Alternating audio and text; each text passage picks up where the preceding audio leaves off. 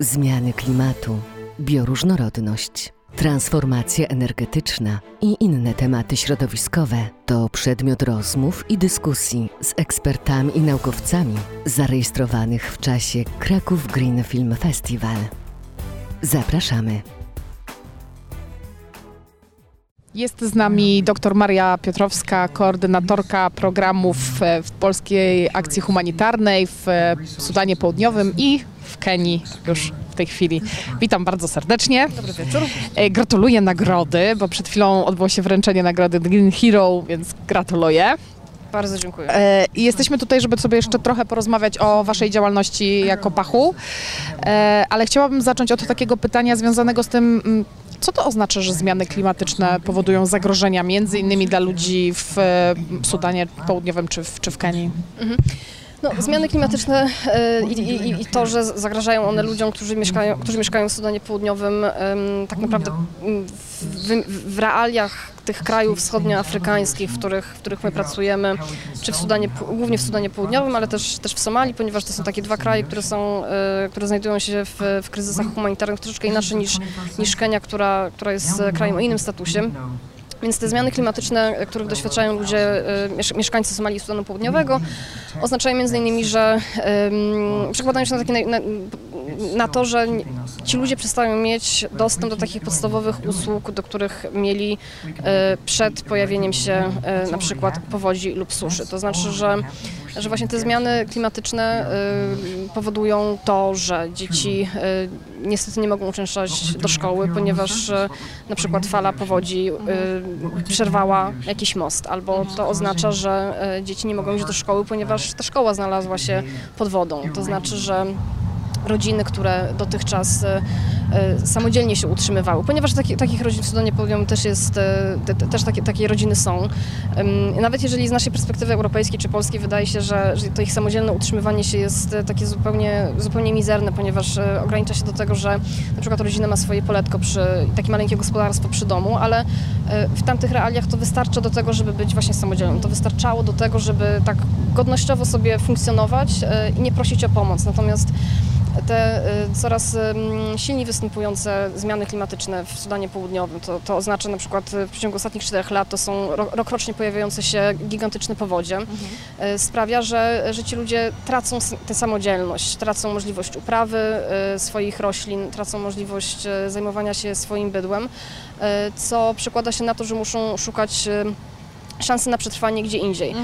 Czasem, y, czasem udaje się uciec do sąsiedniego regionu, czasem, y, czasem trzeba gdzieś dalej, czasem znajdują schronienie y, dopiero w obozie dla uchodźców, gdzie ich życie jest kompletnie wrócone do góry nogami i to są takie momenty, w których, w których już są zależni od innych. Więc te zmiany klimatyczne tak jak tutaj pojawiało się to, w naszych dyskusjach w trakcie festiwalu, one za, z, zaczynają się od małych rzeczy. To czasem też na przykład y, w kontekście y, już właśnie Kenii, chociaż to, tak jak wspomniałam, nie jest kraj, który jest y, mm, pogrążony w kryzysie humanitarnym, ale na przykład w latach 70., 80. w wyniku y, takiej postępującej deforestacji, czyli wycinania drzew pod y, uprawy przemysłowe albo pod y, em, inwestycje deweloperów nieruchomościowych, oznaczało, że y, że kobiety musiały coraz dalej, bo to kobiety, dziewczynki są odpowiedzialne za y, zajmowanie się gospodarstwem w tych kontekstach takich tradycyjnych wschodnioafrykańskich. One musiały coraz dalej na przykład iść, y, żeby szukać gałęzi y, na opał. One musiały coraz dalej iść, żeby żeby czerpać wodę. E, Konsekwencją tego pierwszą jest to, że dziewczynki e, przestawały chodzić do szkół lub e, częściej niż chłopcy, ponieważ e, no też właśnie tak w tych tradycyjnych kontekstach to wygląda, że, że to chłopcy są jako pierwsi wysyłani do szkół. E, To dziewczynki em, więcej czasu poświęcały na zajmowanie się gospodarstwem, więcej czasu e, te wszystkie takie podstawowe czynności im zajmowały i przez to zaczynało brakować czasu na, na edukację, e, ale też na zabawy z przyjaciółmi, bo, e, bo nie tylko chodzi o pracę, nie tylko chodzi o edukację, ale też te zmiany klimatyczne i ta taka konieczność, e, konieczność migracji wewnętrznych, bo to zaczyna się od właśnie przemie- przemieszczenia się ludności wewnątrz danego kraju. To decyzja o tym, żeby uchodzić do kraju sąsi- sąsiadującego jest naprawdę podejmowana do, do, dopiero później. E, Więc to nie jest tylko brak, brak poletka pod uprawę e, jakichś zbóż czy roślin, to nie jest tylko brak możliwości hodowli bydła, to nie jest tylko brak możliwości samodzielnego, samodzielnych zarobków, ale to jest też brak dzieciństwa dla dzieciaków tak naprawdę. To jest, to jest takie bycie oderwanym od, e, od swoich struktur, e, więc, więc od tego zaczynają się te zmiany klimatyczne dla mieszkańców e, regionów, w których jest obecna Pols- Polska Akcja Humanitarna. W jaki sposób wy im pomagacie w tej sytuacji? Nasza pomoc wygląda inaczej w każdym kraju, w którym, w którym jesteśmy. W Sudanie Południowym też oczywiście inaczej niż w Kenii. na- Nasza pomoc, na przykład w Kenii, nasza pomoc sprowadza się do tego, jeszcze raz, e, w Sudanie Południowym specjalizujemy się w pomocy wodno-sanitarnej, to znaczy na, specjalizujemy się w tym, żeby e, zapewnić ludziom dostęp do czystej i zdrowej wody. E, To polega na tym, że tworzymy studnie, w sensie kopiemy studnie Mhm. lub zajmujemy się mm, rehabilitacją tych studni, które już kiedyś zostały, e, które kiedyś zostały wykopane, ale w wyniku eksploatacji narzędzi na przykład lub mechanizmów po prostu muszą zostać naprawione, więc to jest, e, to jest dostęp do wody. To jest e, też tworzenie latryn, czyli toalety. Jest to stawianie toalet w... Skupiamy się na szkołach, chociaż nie tylko. Szkoły są dla nas ważne, ponieważ dzięki temu możemy przeciwdziałać wykluczeniu menstruacyjnemu wśród dziewczynek. E, Dziewczynki w momencie, gdy mają miesiączka i po prostu nie chodzą do szkoły, ponieważ jeżeli tam nie ma toalety, to nie mogą e, zadbać o swoją taką podstawową higienę. Ale e, tworzenie tych sanitariatów e, i stawianie latryn przy szkołach jest, e, czy przy ośrodkach edukacyjnych jest również ważne dla chłopców, ponieważ e, szkoły bardzo często są jedynymi miejscami, gdzie, gdzie te dzieci mogą dostać e, posiłek, taki pełnowartościowy posiłek. To przy szkołach znajdują się takie centra dożywiania. E, Nasza pomoc w Sudanie Południowym e, jest też adresowana do kobiet i do dzieci. Tworzymy takie specjalne, bezpieczne przestrzenie, gdzie, e, gdzie mogą zająć się sobą, nie będąc narażonym na przemoc, e, ponieważ e, te zmiany klimatyczne to też jest duże zagrożenie przemocy dla kobiet, głównie dla kobiet, chociaż nie tylko, i dla dzieci. Taki jest niestety kontekst kulturowy. Jesteśmy bardzo dumni z naszych, z naszych działań w ostatnim roku, ponieważ e, udało nam się mm, stworzyć taką e, prawie że unikatową na skalę Sudanu Południowego e, rzecz jak zjeżdżalnie i place zabaw dla dzieciaków, więc e, ostatni nasz e, projekt, który re, re, realizowaliśmy finansowany ze środków OCZA, e, to jednym z jego komponentów było właśnie stworzenie takich placów zabaw dla dzieciaków, więc udało nam się przetransportować zjeżdżalnie, które, które cieszą się bardzo dużym powodzeniem i, i właśnie to jest taki nasz wkład w to, żeby, żeby dzieciaki miały chociaż namiastkę w tej trudnej sytuacji, w której są, żeby miały chociaż taką namiastkę beztroskiego, radosnego dzieciństwa, bo na to zasługują. E, Jesteście tam cały czas e, z ludźmi, rozmawiacie z nimi. Jaka jest świadomość tego, że te, te rzeczy, które się dzieją, rzeczywiście mają związek z klimatem? Bo u nas się, jesteśmy na festiwalu, u nas się dużo mówi o tych rzeczach i my tą świadomość cały czas podnosimy. Na ile tam ludzie sobie zdają sprawę z tego, że, e, że jest taki mechanizm?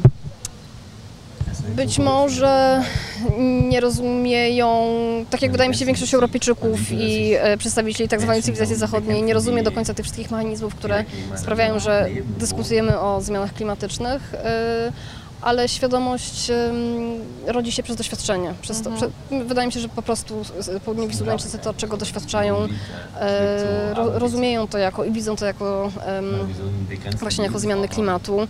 E, rozumieją to przez, przez to, że muszą właśnie radzić sobie ze skutkami, więc wydaje mi się, nie, nie do końca jestem pewna, jak tutaj określić, e, jaką ramą pojęciową się posługują, Jasne. natomiast wydaje mi się, że, e, że właśnie poprzez doświadczenie widzą, że, że to środowisko zmienia się i to zmienia się szybciej, tak jak, tak jak wspominałam. No, cztero, cztery lata z rzędu e, powodzi, które występują w Sudanie Południowym są absolutnie bezprecedensowe. To są największe powodzi od 60 lat, przynajmniej w ocenie UNHCR-u, więc, więc jest ta świadomość, je- je- jest, jest to poczucie, że, że te zmiany klimatyczne następują.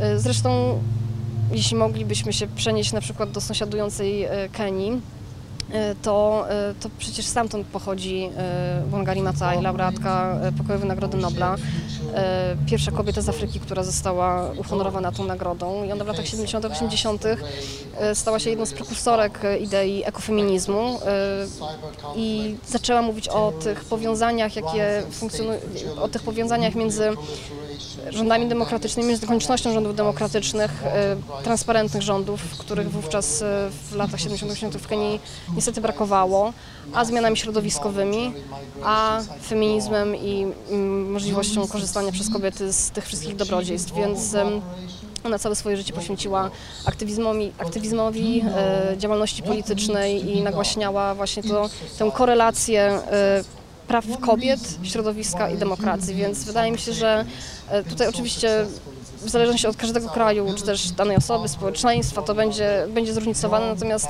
ta świadomość środowiskowa w Afryce jest na pewno, jest e, reprezentowana przez e, e, takich, e, takie osoby jak Wangari Maathai, ale też przez pokolenia kolejnych e, aktywistów środowiskowych, e, stypendystów, em, którzy są uhonorowani w ramach działalności fundacji, E, ale oczywiście to jest zjawisko nie tylko kenijskie, aktywistów takich e, działających na rzecz środowiska e, w każdym kraju Afryki można znaleźć. Możemy wspomnieć również o chociażby tragicznie zmarłym aktywiście z Nigerii, Ken Saro-Wiwa, który e, który walczył o e, prawo ludu Ogoni do ich ziemi, więc, więc jest. Świadomość ekologiczna i środowiskowa w Afryce na pewno, na pewno jest. Mm, Powiedziałaś, że ta świadomość też buduje się przez doświadczenie, ale to jest taka, rozumiem, trudna lekcja, bo to już jest taka lekcja mm, to, totalnie na żywo. E, My tu cały czas mówimy o edukacji. Mm, Co jako e, Polska Akcja Humanitarna ty widzisz, jak, jak robicie to działa, żeby tutaj, już na naszym terenie, tłumaczyć ludziom, co się dzieje, no gdzie indziej właśnie e, uświadamiając ich zanim to doświadczenie tu, tu, tu, tu do nas przyjdzie i, i rzeczywiście będzie. Znaczy, wydaje mi się, że edukacja, edukacja, edukacja. Warto, em, warto wydaje mi się, porzucić taką, taką narrację, e, która często niestety jest e, reprezentowana przez media, nie tylko polskie, ale ogólnie to tak zwane zachodnie. E, chociaż też nie chcę tutaj jakoś demonizować, ale właśnie zachęcałabym do tego, żeby porzucić tę narrację o fali migracyjnej, a spróbować doczytać i dostrzec za, za tym wielkim zjawiskiem człowieka, żeby sobie to zindywidualizować, żeby, mm, żeby zrozumieć, e, czytać, dowiadywać się, słuchać nas, naszych podcastów, ponieważ też, e, też mamy podcasty na takie tematy związa- związane ze środowiskiem. Gdzie możemy znaleźć te podcasty? Na stronie internetowej Polskiej Akcji Humanitarnej, dział edukacji. Tam znajdują się podcasty, które, które poruszają wszystkie takie zagadnienia, również właśnie z perspektywy językoznawczej. Co, co jest ważne, jest świadomość tego, jakiego języka używamy. Więc ja zachęcam do tego, żeby, żeby wyjść poza tę narrację fali a, i skupić się na szukaniu informacji o doświadczeniu jednostki i e, poznawać, być ciekawym tych państw innych, tych państw pozornie oddalonych, ponieważ w tej chwili w, globie, w dobie globalizacji żadne, żadne państwo tak naprawdę nie jest, nie jest od nas e, dalekie. I starać się, nie bać się, a starać się zrozumieć, e, więc e, mamy naprawdę bardzo wiele możliwości bycia tu i teraz w Polsce e, i, i, i roz, zrozumienia, zrozumienia tego, co się, co się dzieje w Afryce. Natomiast jeżeli ktoś jeszcze chciałby wesprzeć nasze działania, ponieważ my działamy na miejscu w Somalii, w Sudanie Południowym, e, w Kenii, ale oczywiście też w innych państwach, w Jemenie, w Iraku, to e, zachęcamy oczywiście do wsparcia Polskiej Akcji Humanitarnej i tak, żebyśmy mogli realizować po prostu nasze projekty. E, Jesteś pierwsza z nami na festiwalu? Tutaj? Czy już miałaś okazję być na poprzednich edycjach? Ja jako ja? Nie. Tak. Więc, e, więc ja jestem pierwszy raz, e, cieszę, cieszę się z ciepłego krakowskiego wieczoru i filmów i całej atmosfery, której panuje, więc wspaniałe doświadczenie. To bardzo się cieszę, że Ci się podoba i w takim razie zachęcamy do wspierania Polskiej Akcji Humanitarnej, żebyście dalej mogli kontynuować to e, szczytne dzieło. Jeszcze raz gratulujemy nagrody e, wszystkim, którzy się przyczynili do e, aktywności i w, po, w Sudanie Południowym i w innych krajach, Tak. których pomagacie.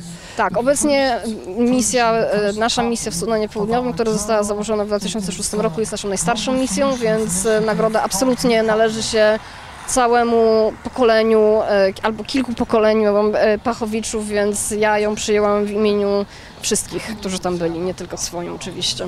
Super, no to przekazujemy im wszystkim gratulacje. Bardzo serdecznie dziękuję Ci za rozmowę. Bardzo dziękuję. Dziękujemy za wysłuchanie Green Festival Podcast. Więcej rozmów z ekspertami znajdziesz na portalu VOD